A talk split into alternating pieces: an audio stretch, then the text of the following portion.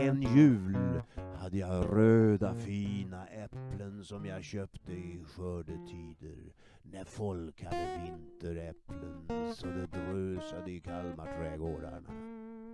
Jag köpte flera lådor för 25 öre och jag sålde dem några dagar före julafton för 25 kronor. Jag hade med viss möda tagit reda på att det gick att lagra vinteräpplen i fluffigt tidningspapper och man såg till att inte äpplena låg i kontakt med varandra. När julen kom putsade jag till dem med vax och bar de glänsande röda äpplena från potatiskällaren och ställde lådorna på en bänk på julbasaren. Och jag behövde bara stå där någon timme så var det klart. Det var huggarn Ivar. Sålde du alltihop? 25 kronor! Och du har knappt börjat skolan! Hela hemligheten låg i lagringsmetoden. Tidningar var användbara till något mer än att uh, tända brasor och hålla akt hygienen. Och äpplena var oemotståndligt blanka och röda. Det fanns allehanda affärsmöjligheter i Kalmarsund att nappa på. Men det blev trots allt mest studier de där pojkåren. Vi pluggade i en grupp i lyan på Norr Nybrogatan. Vi samlades hos Konstans på Norra Långgatan. Eller hos mig uppe på vinden. Det stod klart att jag skulle bli något tekniskt redan tidigt. Det låg väldigt bra an för mig. Att tänka i tre dimensioner och projektionsritningarna, projektritningarna, projekt vi gjorde i teckningsundervisningen, gjorde inte bara mig utan många andra Kalmarstudenter till ingenjörer. Det var hårda drillar och egentligen inte tid för allt för mycket spillliv bland affärsidkarna.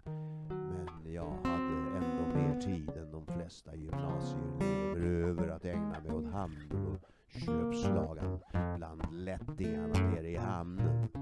Småredarnas söner var allt som oftast involverade i någon sorts köpslagan och var stolta över sina fäders tonnage och kunde utan skam då och då ge skolan fanen och istället ägna sig åt eh, affärsmässigheter. De riskerade inte att åka in på några skolkarhem för det.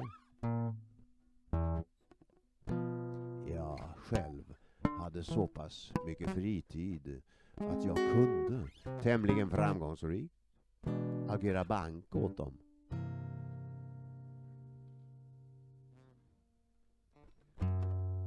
Jag litade på dem och lånade ut. Och de litade på mig och satte in. Den lilla skillnaden mellan utlånsräntan och inlånsräntan var min smala belöning. På kaféerna åt vi söta bullar och flickorna var glada och, och vilken skillnad det var på dem. Feffla med sina slängande armar när vi spelade gotländsk med sina väl utvecklade bröst. Inger med sin avgörande överlägsna skönhet. En skönhetens ljuva ljusreflex. Vilken idyll! Björnarna och ulvarna var utrotade. Insekterna ofarliga. Staden flyttad till Kvarnholmen så att den inte låg mellan slottet och hamnen som den gjorde när den blev förstörd. Sönderskjuten såväl av egna försvarare som den anfallande flottan ute i sundet. Man kunde nog säga att efter stormaktstidens slut inte ens havet var särskilt farligt i Kalmarsund. Även om det i sunnanväder kunde tryckas upp en nog så stor sjö. Vågorna bröt som mäktiga käftar in mot klipporna. Vi njöt av dessa friska väder och levde där som om olyckan inte fanns. Som prinsar gick vi omkring i våra prunkande trädgårdar. Men för prins Siddhartha, som för mig och många andra unga och glada kalmariter, blev palatsträdgården för trång. För min egen del lämnade jag min far, den kejserlige konsuln och lämnade mina privilegier, mina varma och goda systrar, min kära mamma och hennes väninna och gav mig ut i världen. Lämnade den zonen där det ordnade glada livet rådde. Där naturen var givmild, där skönhet och balans dominerade där livets rytmer var harmoniska och visorna ofta gick i dur. Småland kommer att förvandlas igen. Men minnet av det gamla trygga livet kommer inte att förblekna. Det finns i själva existensen. Människan är i naturen och i kulturen och behöver inte vara ensam. Känner man sig ensam är det lätt att smittas med denna sin känsla. Kontakt kan därmed definitionsmässigt inte uppstå. Jag kom att kunna klara livhanken besynnerligt konfliktfritt. Genom min förmåga att få kontakt med folk i en hotfull situation var det alltid något helgon som varnade mig. Jag fick upplysningar om var det var säkrast att uppehålla mig göra affärer. Mitt livs konflikter inskränker sig till två.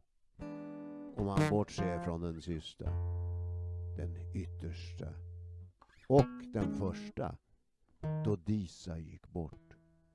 Jag kom i personlig kontakt och konfronterade lidandet och döden i Veracruz och Johannesburg. Sedan var det inga fler konflikter. Medan dessa råkade kasta mig fram till uppfattningen, eller den dogm som sade mest möjligt åt flest möjliga och du blir själv berikad. När Morgan och överste Ben försökte knäcka mig och löjtnant Aminov var det en blixt från klar himmel. Det var ingen konflikt. Det var mig bara en helig vrede. Morgan vände upp och ner på år av förhandlingar och avtalsresonemang som gällde inmutningen av den expansiva telekommunikationsmarknaden och gav mig helt okristligt tre amerikanska helgdagar med stängda banker i samband med Washingtonhelgen. Att återbetala hans handpenning på en majoritetspost i LME något kom, någon konfliktkänsla hade jag lik förbannat inte. Jag såg det mer som om motströmmen tagit till rejält och det gällde att få alla att ta i maximalt med årorna exakt samtidigt. Och bankiren Rot log brett och såg våra sanna värden hade rott i land skeppet och jag sedan firade nere hos jazzfolket blev jag ordentligt förkyld. Jag hade sovit mycket oregelbundet och det vill inte säga lite när det gäller mig. Slitit väl hårt och sedan försökt kurera mig med allt för mycket toddy. Och det måste jag ju säga var Åbergs fel. Sista vintern i New York var sannerligen ingen dans på rosor. Trafiken och ved och kokseldandet eh, gjorde den del avenyer till veritabla gaskammare. Det var ingalunda bra för bronkerna och vi hostade överallt. Längs Avenyn. Men någon konflikt kände jag mig inte delaktig i. minska andras konflikter. Ja, paradoxalt nog levde jag i själva verket mitt i konflikthärdarna. Just på de punkter där utvecklingen tog nya kompassriktningar. Märkligt oväntade språng togs. Jag såg Elvira Madigan gå så vackert och nätt på lina och Karina Ari och Jean Berlin ta såna kraftfulla och samtidigt sköna språng på ballettscenen att det var en fröjd. På min sista resa över Atlanten dansade jag med skridskoprinsessan Sonja Henny som just tagit olympiska guldmedaljer i Lake Placid samtidigt som jag bollade med guld i New York. Hon fick mig på ett märkvärdigt sätt att minnas henne. Med stor hår, extra påtagligt, med själva doften av kvinna, till trots av min förkylning. Vi fick en omedelbar instinktiv kontakt och njöt resan i varandras sällskap. Hon strålade av olympisk framgång och jag beundrade henne och andra skridskodansares förmåga att hålla kvar elegansen i de mest kraftfulla anlopp och språng. Men man visste inte om man skulle skratta eller gråta när Gillis Grafström, som skulle försvara sina tre olympiska guldmedaljer från Sankt Moritz, törnade in i en malplacerad kameras i sin sista axel och föll pladask på isen. Sonja både skrattade och grät och vi ångade vidare i tango så långt från kamerastativen som någonsin möjligt. Diskretion och balans var för mig levande principer. Något som uttryckte sig särskilt tydligt i blommornas och hortonomiens värld. Ett diskret sexualliv i balans. Ståndare och pistiller skyddade av vackert lysande och lockande kronblad med former som tilltalade visuellt och olfaktoriskt magnetiskt. Inte bara för fjärilen, biet och humlan utan också för människan. Det satt i livets, själva livets lust. Och lusten att leva, smaka och njuta. Blommor var för mig en ständig glädje och den satt i instinkten. I kromosomernas eh, vilja till liv. Jag undrar hur mycket av aktieägarnas kapital jag har lagt på blomster. Jag tyckte mycket om Svenska Amerikalinjens Atlantångare eh, när de kom. Oscar II och Gripsholm, hela väggar klädda med blomster. Vi reste från Southampton med Mauretania och från Le Havre med Ile-de-France som var ett art déco-skepp av yppersta klass. Vi embarkerade den store Leviatan som före kriget hette SS Imperator. Det var på den tiden skeppen av veritabla botaniska trädgårdar. I hytten kunde stå ett bonsai-träd. Där var liljor, rosor och exotisk blomsterglöd. Florister från hela världen bebodde små hytter i dessa stolta ångar. Förtjusande flappers. Av alla nationaliteter. Och de arbetade med hushållet och utsmyckningarna på skeppen. Det var ofta suffragetter som drygade ut sina magra arv med hårt arbete på ångarnas alla nivåer.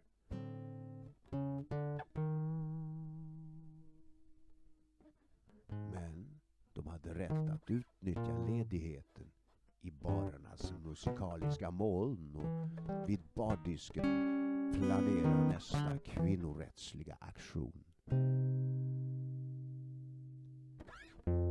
Jag deltog genom att specialstudera dem en efter en och delade i enlighet med en enkel princip.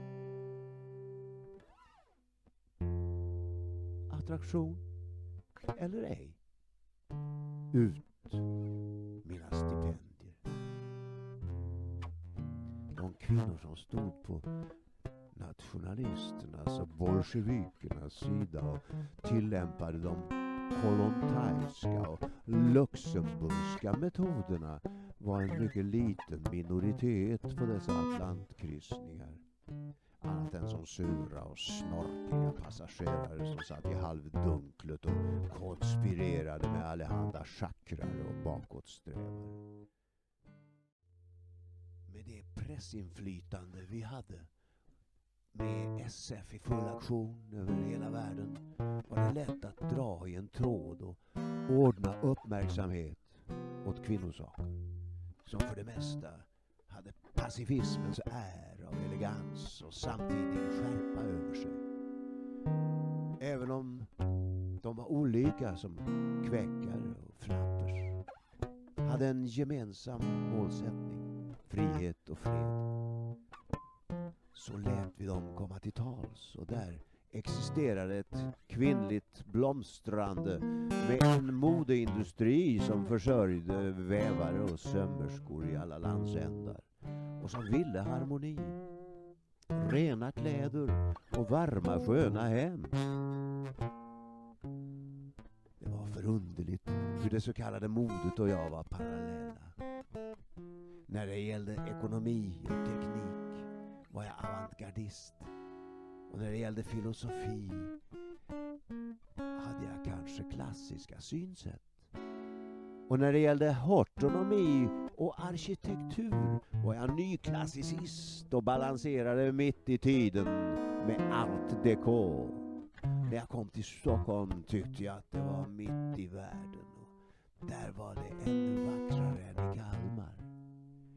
Jag tyckte och tycker fortfarande att det är världens vackraste stad naturligen framväxt i Mälarutloppet. Långsamt sig växande ut runt holmarnas stränder. Det medeltida kvar på Kornhamns torg och det nya inte långt därifrån. Tessins graciösa men ändå tunga slott.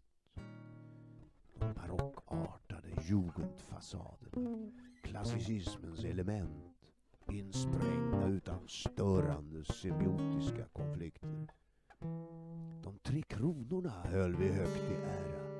Ragnar Östberg fick upp dem med hjälp av verkliga yrkesmän, mästare i diverse hantverk, i tornet på Stadshuset.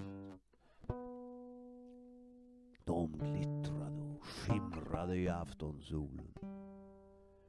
När jag först kom till Stockholm var det just tornspirorna jag tittade på när jag hade sett mig mätt på spegelbilderna.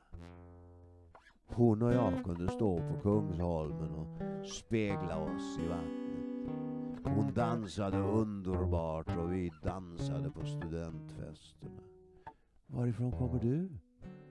Frågade jag henne antagligen första gången vi dansade i den stora gymnastikhallen på Gymnastiska centralinstitutet. Från Bragenäs. Hon kvittrade som en fågel och var full av sprittande energi. Lätt och vig och vi dansade i timtal.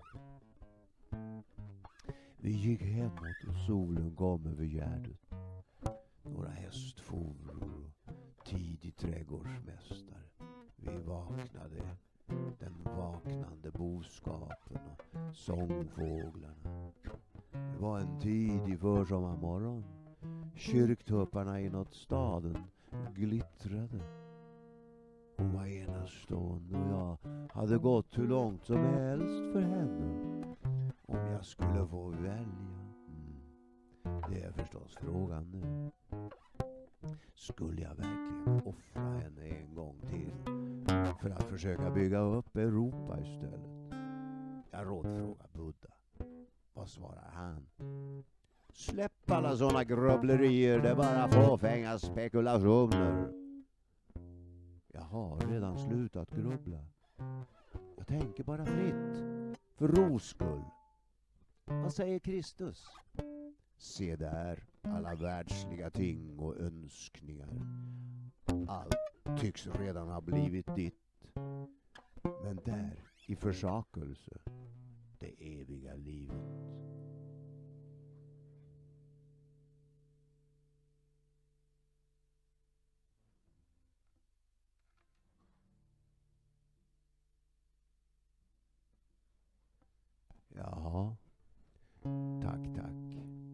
Försakelse, ja.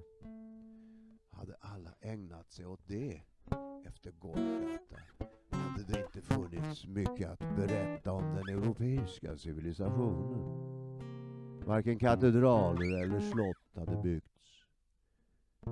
De underbara silverpjäserna som Peter Setelius och Isaac Sauer skapade, som den dag idag är, får en att se rakt in i 1700-talet och känna den fuktiga silverdoften av Gustav IIIs hov hade aldrig blivit gjorda. Eller hur, Paul? Inga bilmotorer hade blivit konstruerade. SKF hade aldrig rullat några kulor. Svenskarna hade aldrig börjat bygga personbilar. Ja, det hade ju varit illa.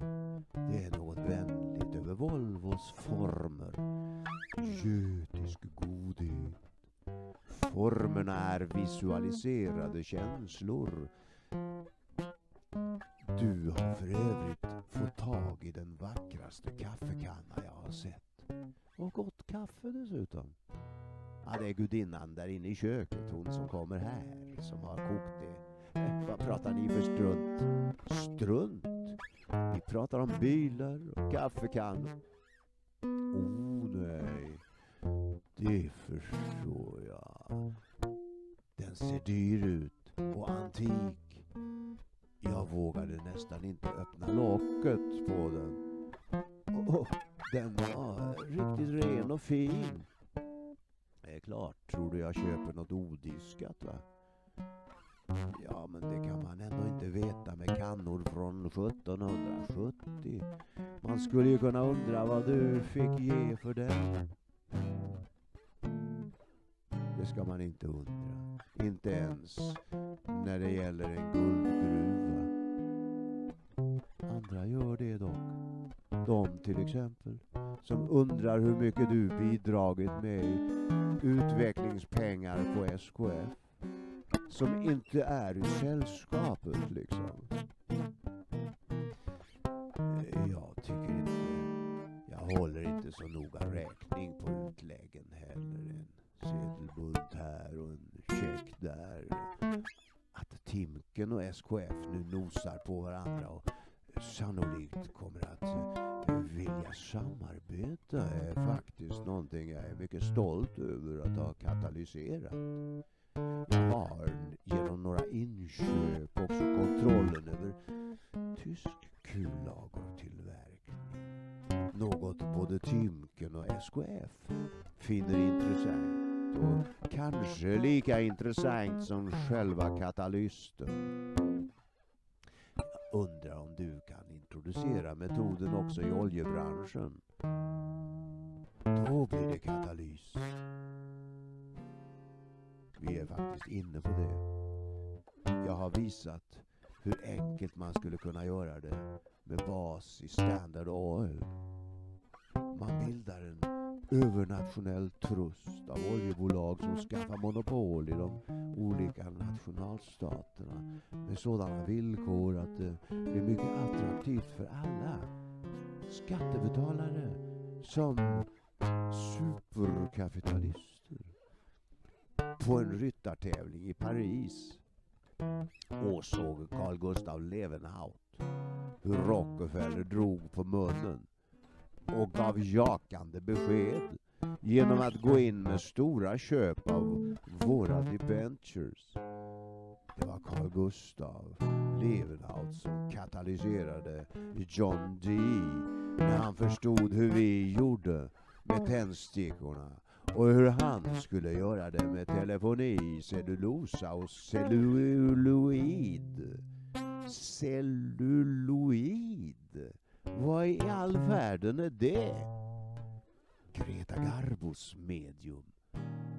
Filmremsorna är av detta egendomliga material. Och nu har SF världsmonopol på hennes filmer tillsammans med Goldwyn Mayer. Samarbete och katalysering av processerna. Ivar katalysator, just det. Dollarkatalysatorn är sannerligen effektiv. Apropå det ja.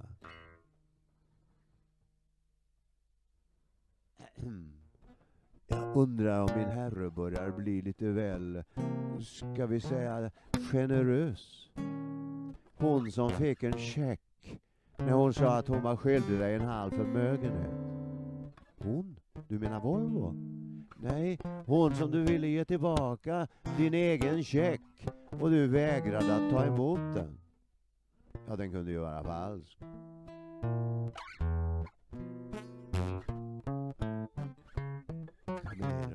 Stormar fortsättningsvis genom nålsögat. Kapitalisterna ligger lågt i Moskva. Men finns där även efter revolutionen.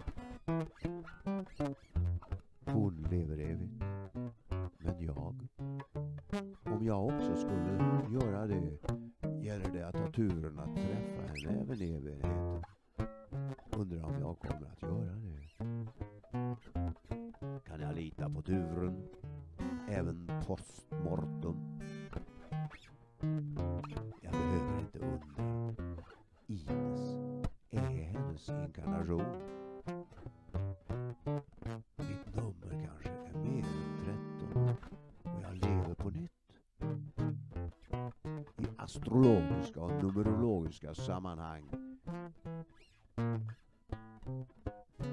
Hjälpmedel för tänkandet. Och kalendrarna kan ge stimulans ibland. Men är det en fredag den 13 man inte kan tycka om så är det den olycksaliga fredagen den 13 november. Eller möjligen var det mars 1307 när en detaljerad påvlig plan att fängsla alla kätterska tempelherrar på en och samma gång sattes i verket av den nytillträdde franske kungen Filip som såg sin chans att slippa de skulder han hade till dem och istället expropriera deras stora egendomar.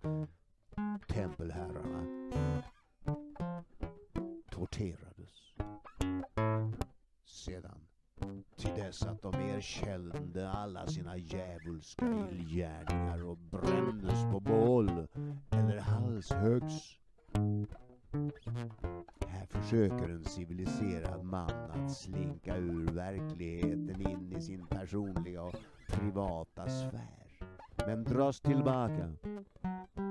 Verkligheten är den att Paris grundades av merovingerna och en av deras dolkar hänger halvt om halvt dolt av Ines gardiner på Rue de Rivoli minnande om ett fåtal som kom vidare i Hade det utan min kännedom tagit ett beslut vare sig guldpunkten stiger eller sjunker. Var det några Parisbankirer som skar ut min van Dijk ur sin ram och länsade mina våningar eller var det svenskar ur ministerns garde? Det kan man nog undra länge över. En vass och långsmal klinga glimmar i natten. En spatserkäpps och en ridpiska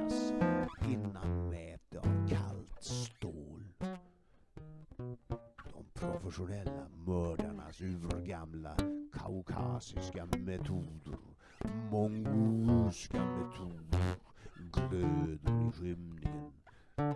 I giftdoserna blandas. De mästerliga mördarna samlar sig och länkarna mellan uppdragsgivare och mördare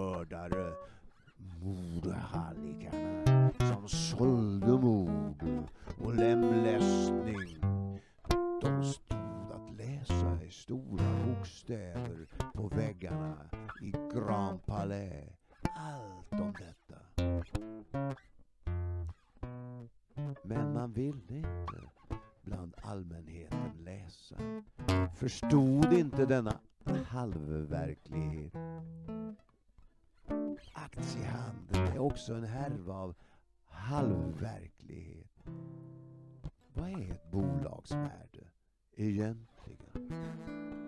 När man skurit bort goodwill exempelvis. Eller det inarbetade kontaktnätet. Vad är ett bolag värt då? Och om alla ingenjörer slutade och ett bolag och istället anställdes advokater och sekreterare. Hur skulle det förändra bolagets värde? Hur påverkas guldpriset av att man lämnar guldmyntfoten? Vad sker när sedelpressarna går utan bindning till motsvarande värden i guld eller silver? Man kunde ju inte annat än hålla med congressman Lindbergh när han beskrev bildandet av Federal Reserve som århundradets kupp. Ett världskrig senare kom kraschen i Berlin. En krasch som var tragikomisk. Folk gick omkring med resväskor fulla av sedlar när de skulle till torghandeln och handla ägg och bröd. Våra debentures var mycket mer stabila och hängde ihop med tunga säkerheter och hade mycket omfattande garantibevis därför och involverade försäkringsbolag och otaliga finanskritik, finansinstitut som garantier. Vi samarbetade med mäklare som var pålitliga och seriösa. Som Parismäklarfirman Geoffrey Weinstein och Company. När vi marknadsförde eh, våra debenter som visade sig kunna hålla sitt värde stabilt och också yngla av sig med god ränta. Det gjorde sannerligen inte pengasedlar. Tvärtom, att ha pengasedlar liggande var en stor förlustaffär. En katastrofalt dålig affär. Att ha stora högar med sedlar när hyperinflation inföll. Därför gällde det att snabbast möjligt göra av med sina pengar. Omvandla dem till fasta värden. Mark, fastigheter, industrier, konstverk, konsthantverk eller att låna ut dem i dollars i en annan valuta. Vi förklarade för världen att allra bäst var att köpa Kryger och Tolls debentures.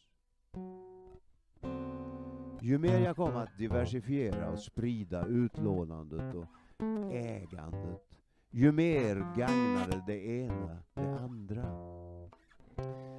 där Morgan hade tagit upp goodwill för 700 miljoner dollar hade vi alltså inte ens tagit upp ett öre i vår koncern.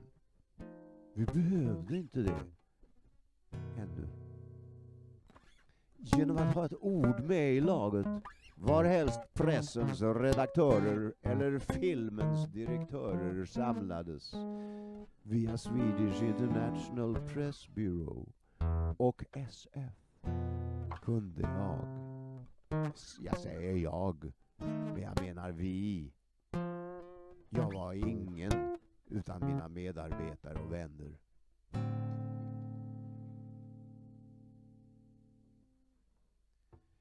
Qui potest esse vita vitalis ut et ennius kimon in amici mutua benevolenti conquestcat få fram ett budskap som var gagneligt för våra satsningar.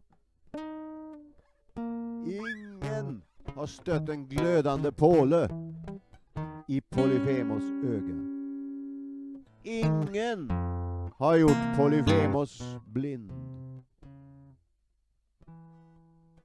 Jag kallade mig också Ingen och försvann med rivstart. Jag tänkte fort mitt i livet för att jag njöt av det. Jag åkte också rent kroppsligen då och då fort på vattnet. Gjorde över 50 knop med svalan. Med den svala som bland skärgårdsborna kallades mustaschbåten för att dess svallvågor på långt håll såg ut som officerares imposanta vita mustascher. Men jag väntade dess att vi var ute på de större fjärdarna med kurs mot min älskade Rosenö. Det tog skruv i de energiska affärsmännen när jag drog ut mot Rundmarö och svepte strykjärnsracern, som man också kallade den, förbi brant störtade klipphällar och sköljde upp en svallvåg som klatschade upp en sky av skum mot bergväggen när vi gjorde sista gir vid Kanholmen innan vi la till. Det var lossläppta förhandlare från Smyrna som bjöds att inta en måltid i solnedgången över fjärden och njuta sommarvärme i skärgården och fritt flöde av tankar och idéer. Gott att lugna och harmoniskt att se. De levantiska familjerna från Bunbat ville introducera sina delikata citrusfrukter på den nordiska marknaden. De utstrålade flera hundra år av yttersta förvining av odlingssätten, optimeringen av sötma. De var uppsträckta i ryggen av sina palats och örtagårdar. Solbrända och vitala frekventerade de eh, Cercle de Smyrne där jag hade mött deras beamingly despotic ledare. Beningly despotic ledare.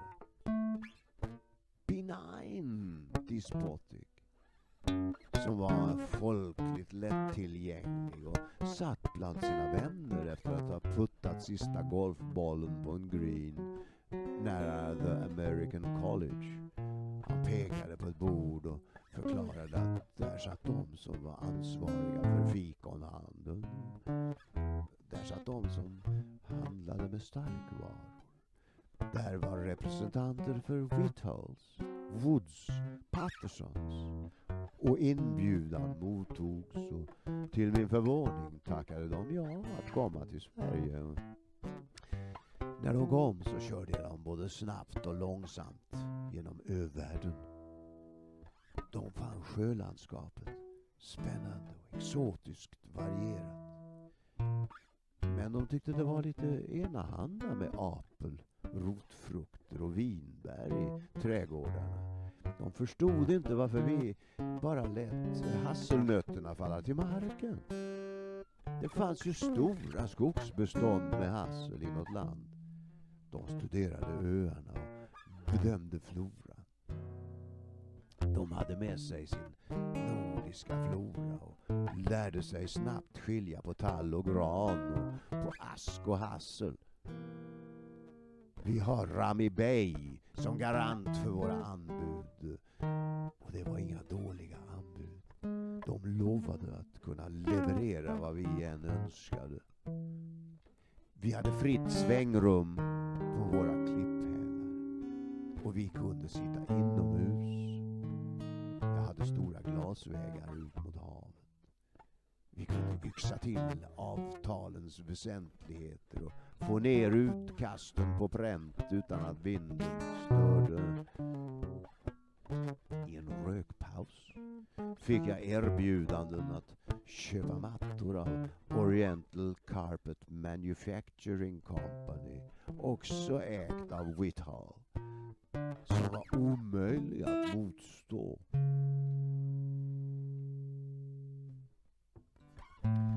Laurel startade motorn och nere vid bryggan eh, och vi avslutade due diligence, fimpade cigaretten och knäppte sjörocken. Delegationen steg ombord och vi gick i solnedgången in mot centrala Stockholm. De var mållösa av skönhet och skärgård. Några snabba skiften av fortskaffning. Och snart var vi på Bromma. Farväl och på återseende. Vi tog nästa flyg och accelererade våra mest hästkraftiga bilar till det yttersta och bromsade lika snabbt ner dem med Mr Bendix bromsklossar. När jag arbetade over there med Percy Rockefeller, Ray Morris eller George Murnane hade jag viss nytta av att kunna hålla igen. Men plötsligen accelerera och vi fick till en bra samarbetsform i Svedamco där dessa herrar satt i styrelsen. Walter Ahlström, min kära kusin, höll i trådarna i Svedamco. Korfors höll reda på allt det jag inte hade tid att hålla reda på gällande juridiken. Nästan alla de jag hade nära mig litade jag på. Oh, de var flinka. Jag behövde inte lägga ut texten i någon som helst långsamhet som man gjorde när man hanterade reportrar. Det var måhända det som gjorde att man i vissa kretsar tyckte det var lite trist att jag höll mig undan så mycket. Men jag vantrivdes i långsamhet. Vissa uttråkiga personer kunde jag, inte kunde jag göra rika bara för att bli av med dem. Avhysa med en spegling av tråkigheten. Unga fröken Vera Ramel ramlade sålunda ut ur mitt liv. Baronessan lyckades stämma möte med mig på ett tåg. Hennes knastertorra övervakning kontrollerade att jag inte var med. Vad den inte räknade med var att jag kunde stiga på längre söderut. Något jag gjorde. Och vi lärde sedan känna varandra i det rytmiska tågdunket. Något som blev mer och mer långsamt. Det är så långsamt, sa man ju faktiskt när man var uttråkad. Det var det. Jag ville att det skulle gå undan. Jag såg till att det måste gå undan. Jag ville ha 50 telefonsamtal väntande på en och samma gång. Det kändes inte onaturligt för mig att ha det så. Jag hade det så även den dagen jag fyllde 50 år. Än en gång gjorde jag festprissarna besvikna och uteblev.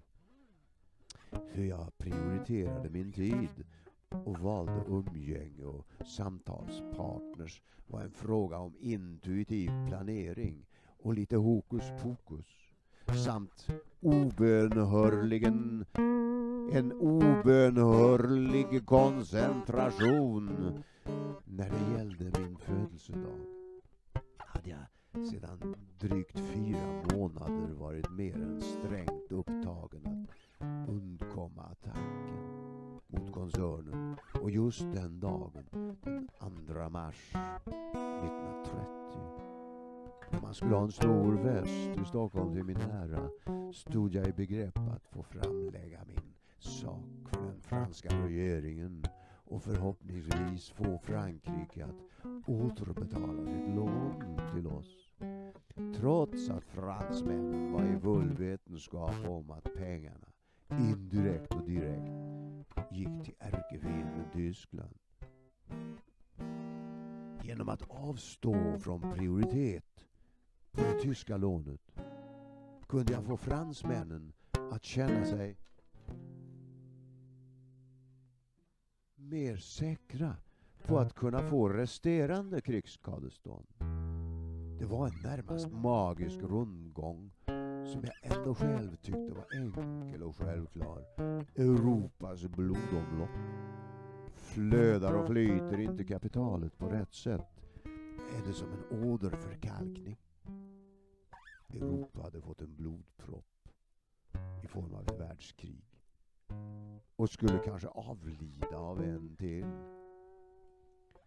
För att försöka förhindra en sådan inte alltför otrolig utveckling lämnade jag vid den tiden offentligheten och for förklädd i min vanlighet på tåg, flyg och bil genom de europeiska staterna.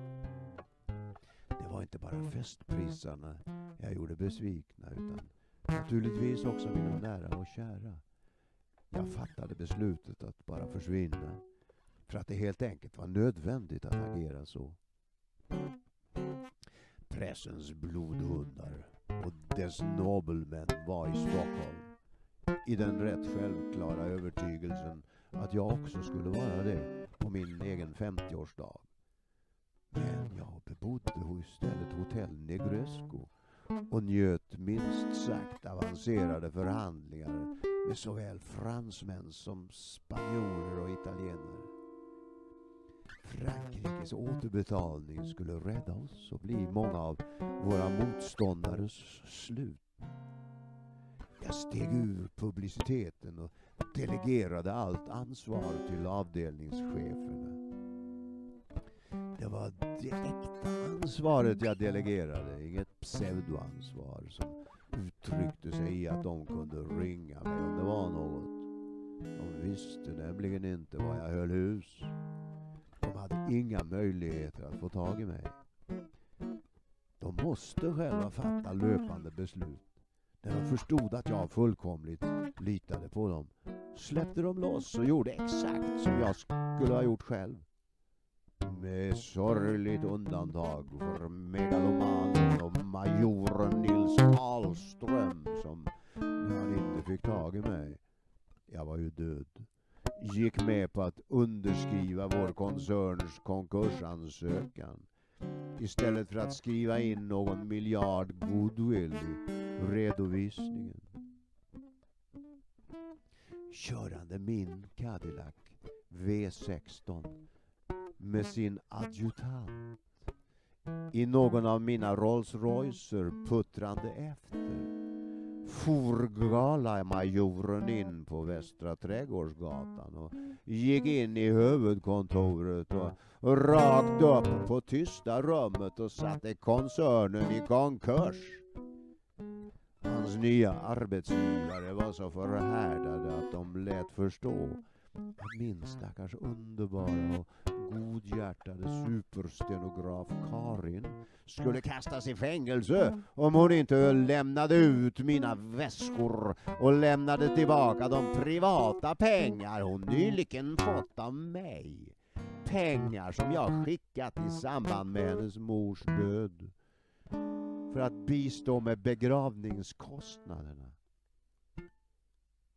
De fick henne att på darrande ben öppna alla mina väskor och kassaskåp för majoren Galström och advokaten Benspräck under det att de hotade att skämma ut henne och sätta henne samman med bror min och bildsköna och tatuerade tjuvar och slagskämpar på Långholmen ohyggligt folk vi hade att göra med. Det var inte så egendomligt att jag stängde av för att vila från sådana människor ibland. Ibland stängde jag av för en spiritistisk seans. En teaterföreställning eller en film. Det var nästan skrattretande. Men mediet, konstnären, kunde ha lika rätt som jag själv. När det gällde fluktuationer på metallbörsen eller värdepappersbörsen. Spiritismen var mycket populär bland skådespelerskorna när 20-talet övergick i 30-talet. Jag fick höra en hel del matnyttigt på seanser i filmvärlden. Jag satt med Helen Kellers vackra handflata i min efter middagen på Pickfair och skrev mina hieroglyfer och hon svarade med sitt tydliga och långsamma tungomålstalande. Hennes socialism gled in i Swedenborgs profetior och jag förundrades över hur klart hon tänkte bakom sin dövblindhet. Även när det gällde så diffusa ämnen som korrespondenslära med rötter i det proteinska tänkandet som visade till att i en trivial detalj kan det djupaste andliga budskap ligga. Tingen korresponderar med det andliga. Det var därför inte bara kunskap som var avgörande. Det var också något annat. Känslor förstås, men inte vilka känslor som helst, utan känslor som lät formulera sig, fantasi, känslor som genererades inför tingens utstrålning. De sista åren kunde jag för att skärpa min uppmärksamhet odla känslor av att det kunde sluta illa. Väl uppövade självkontrollen och val av cigaretter, bordeaux eller sauterre stänga av dessa känslor, negativa känslor. Litteraturen var ju egentligen full av sådana. De flesta författare var olyckliga, verkade det som. Skrev mer eller mindre för att överleva. Och hålla de negativa känslorna nere. Genom att fyndigt formulera sina mardrömmar kunde de leva med dem. Jag,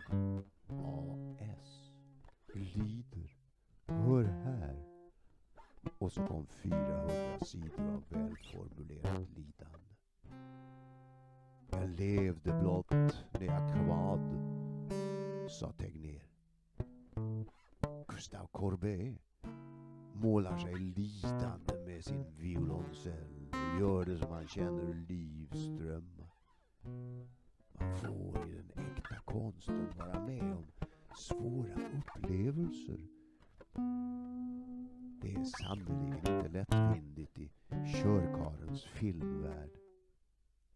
mästerverken får man vara med om det outhärdliga på ett uthärdligt sätt. Hela världen lider. Även jag lärde mig lida med den. Skrivande mina rapporter, inte minst min dagbok. Alldeles särskilt med Stalin och alla hans vårdingar.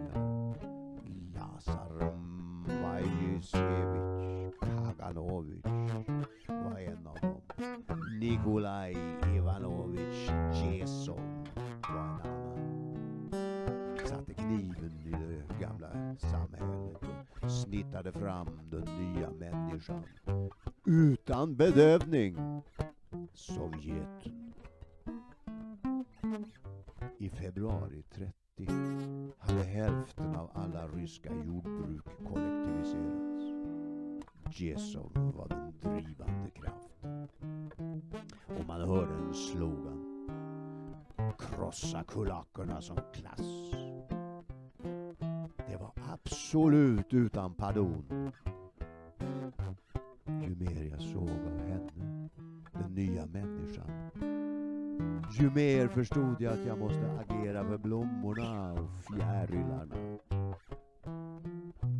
Hur beklämd blev jag inte när jag var i Moskva tvingades åse Jubjankas fasad som dolde Felix Edmunovich Dresinskis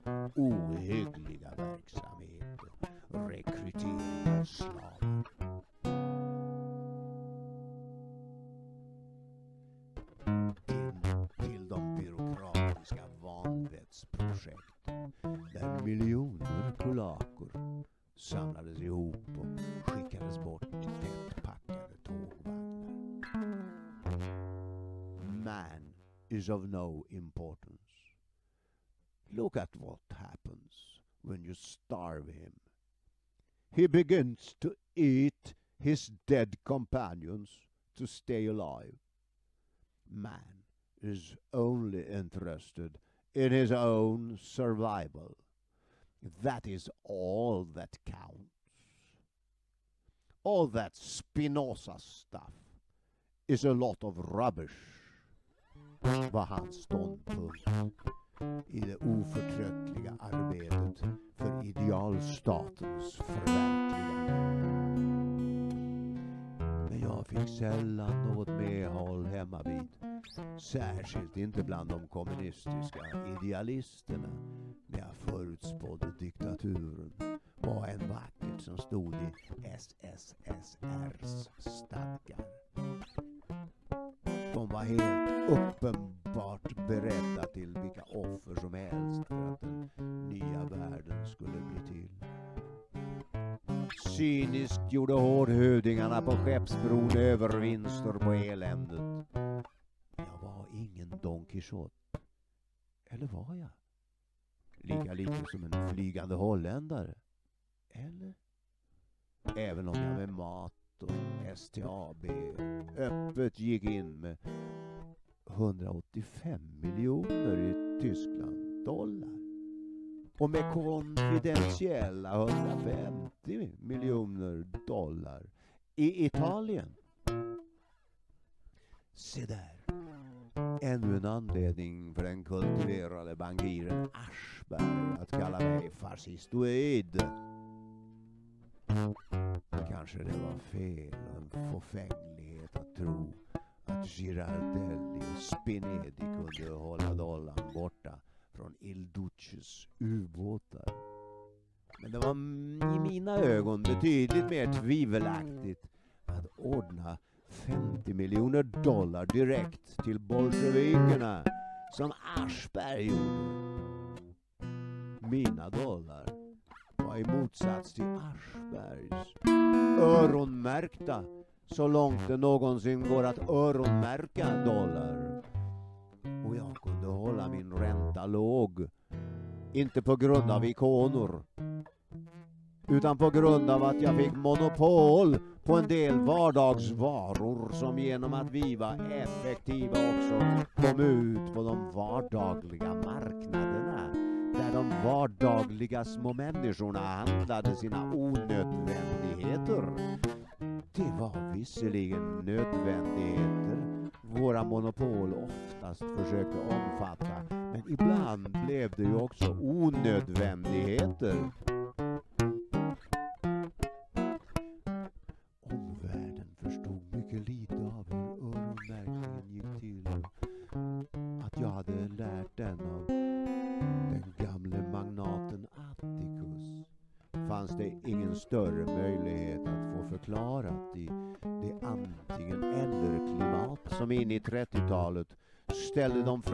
De människorna så ensamma och maktlösa mot de hårda och hänsynslösa.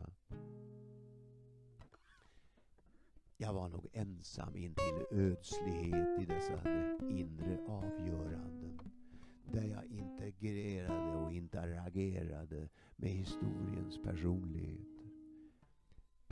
Men när jag läste Ulysses under några atlantiska överfarter och lät den gungande irländska engelskan förtrolla mig kunde jag känna en ensamhetens upplösning.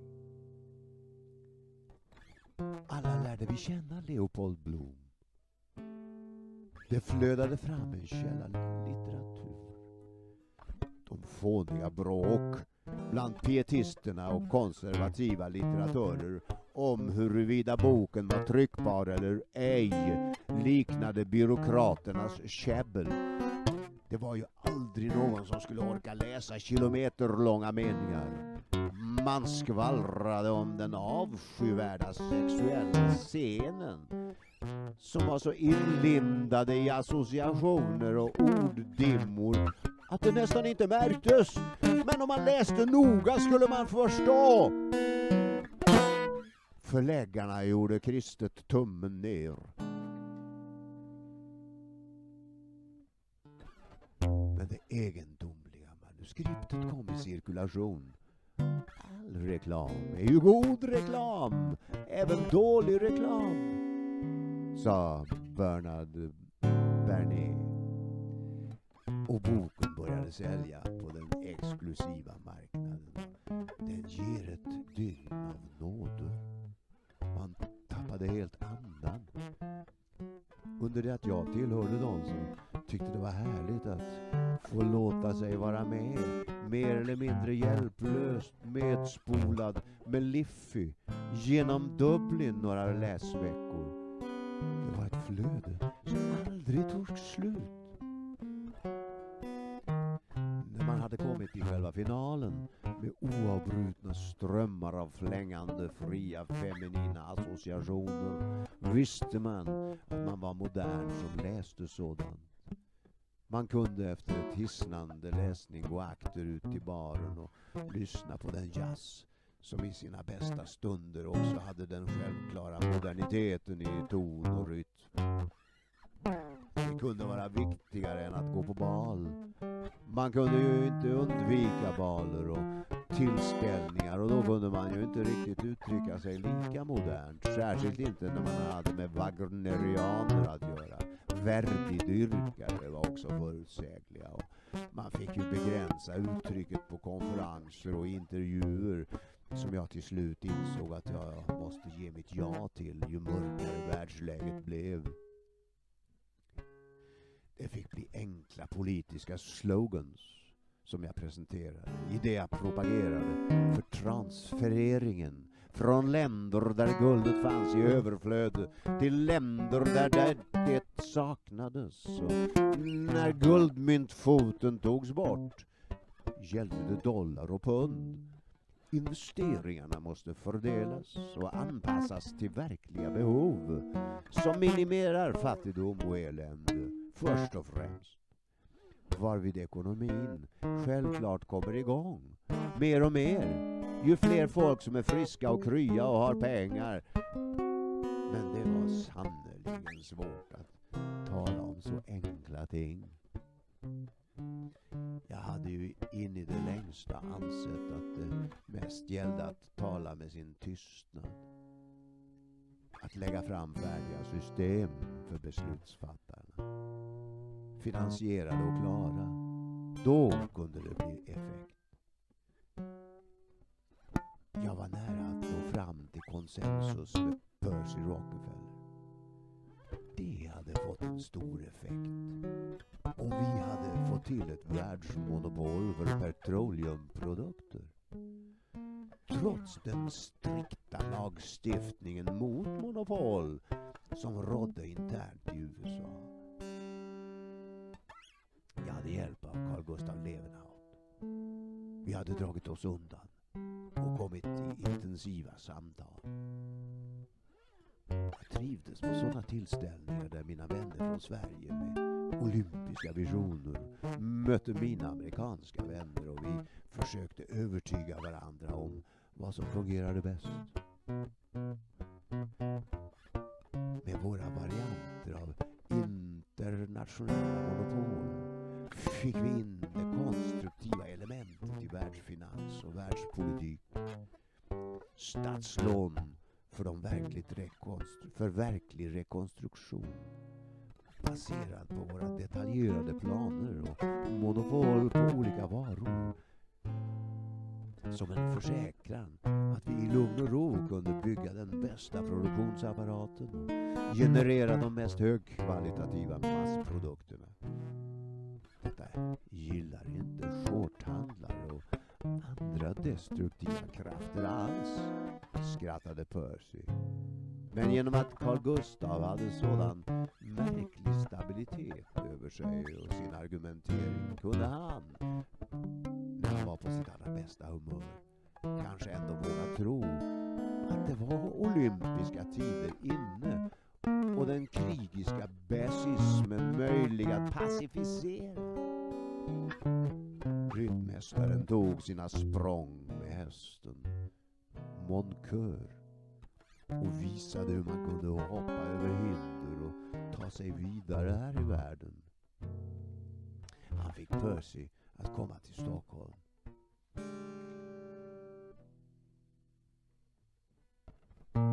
Och han plockade ett päron ur päronträdet som jag hade ordnat att han hade vid sin stol.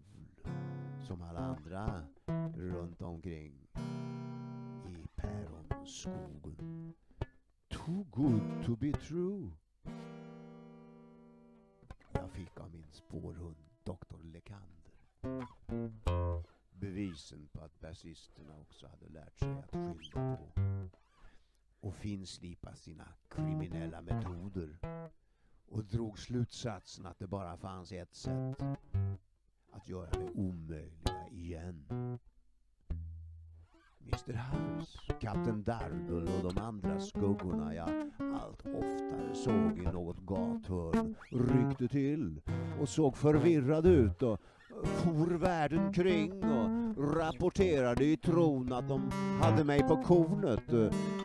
Och de tycktes få allt mer bråttom ju mer jag arbetade och lyckades dyka upp på de mest omöjliga ställen de också.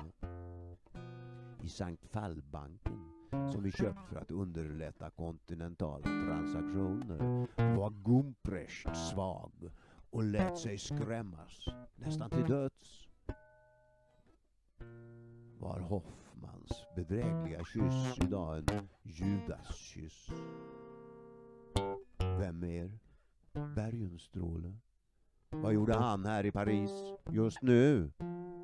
Han skulle ju sköta Sidenförhandlingarna i Singapore. Den prudentlige och absolut humorlöse von Drachenfels som inte ska få veta ett dyft om hur jag ska inreda sovrummet borta på Place Vendôme.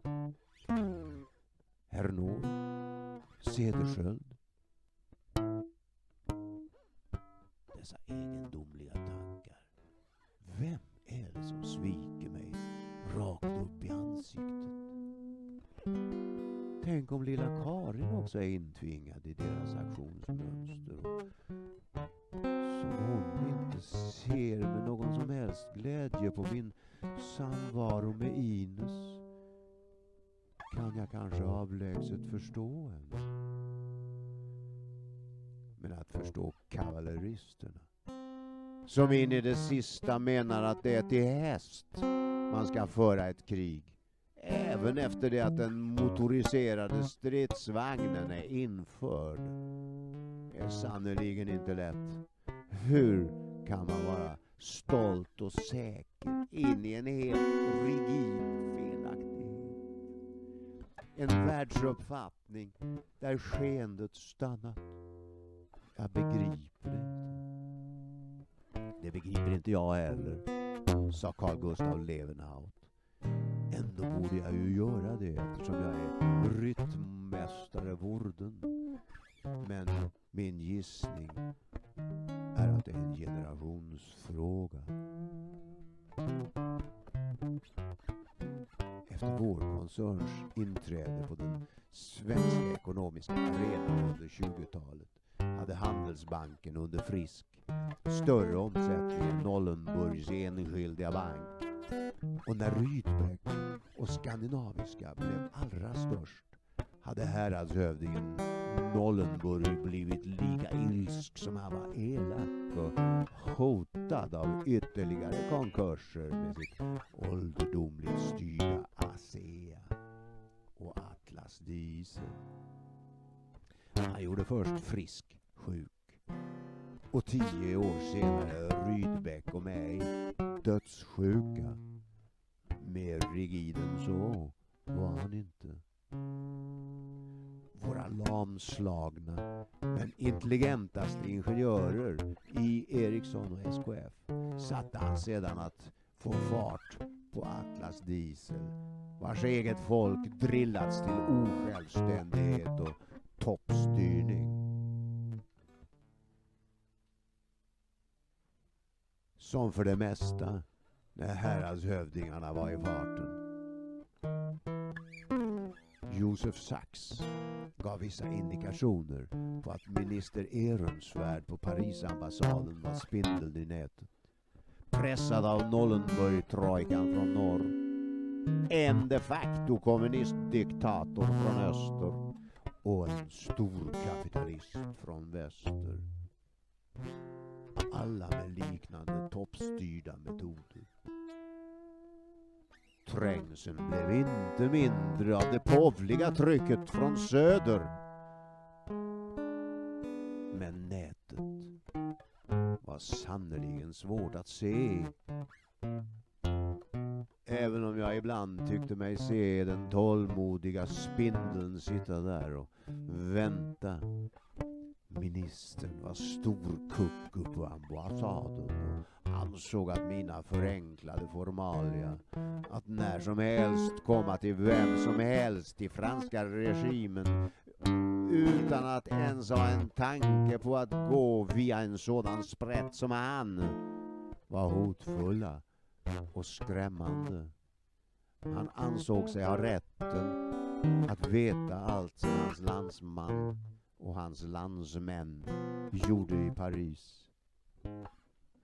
Men han fick veta mycket lite om vad jag sysslade med. Lika lite som alla andra jag inte kände någon anledning att hålla upplyst av mina göranden och låtanden.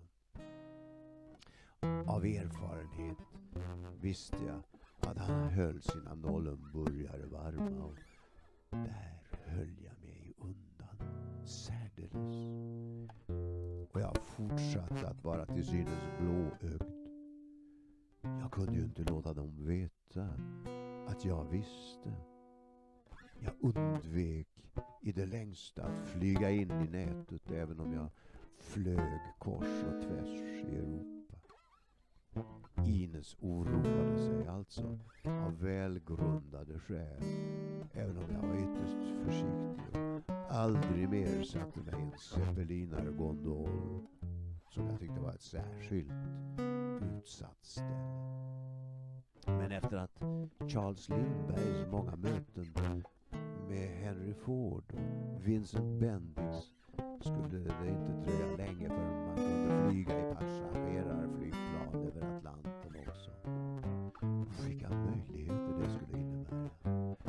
om tiden för de rofyllda kalkylerna, planläggningarna och umgänget vid överfarten skulle bli mindre och mindre. Det ena förtar det andra. Det gäller nog tyvärr all utveckling. Den är nödvändigtvis på ont och gott. Men Napoleon Bonaparte stod högt sina misstag för sista gången. Titta, sa Ines. Vi var uppe i den halvfärdiga takvåningen med pergolan på plats. Place Vendôme och planerade var vi skulle placera intarsian av Isidor Hurlin, ställa skulpturerna av Anders Jönsson, Christian Eriksson, Gustav Sandberg, Per, per Hasselberg, hänga litografierna av Hockey, Harnubo, Pishoggi och Chasai Jason, plantera bonsai-träden och anlägga springbrunnen. Vi är nästan på samma höjd som kejsaren.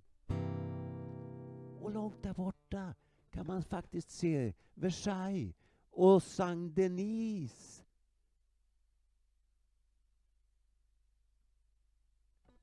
Tack. Välkomna till en ny läsning.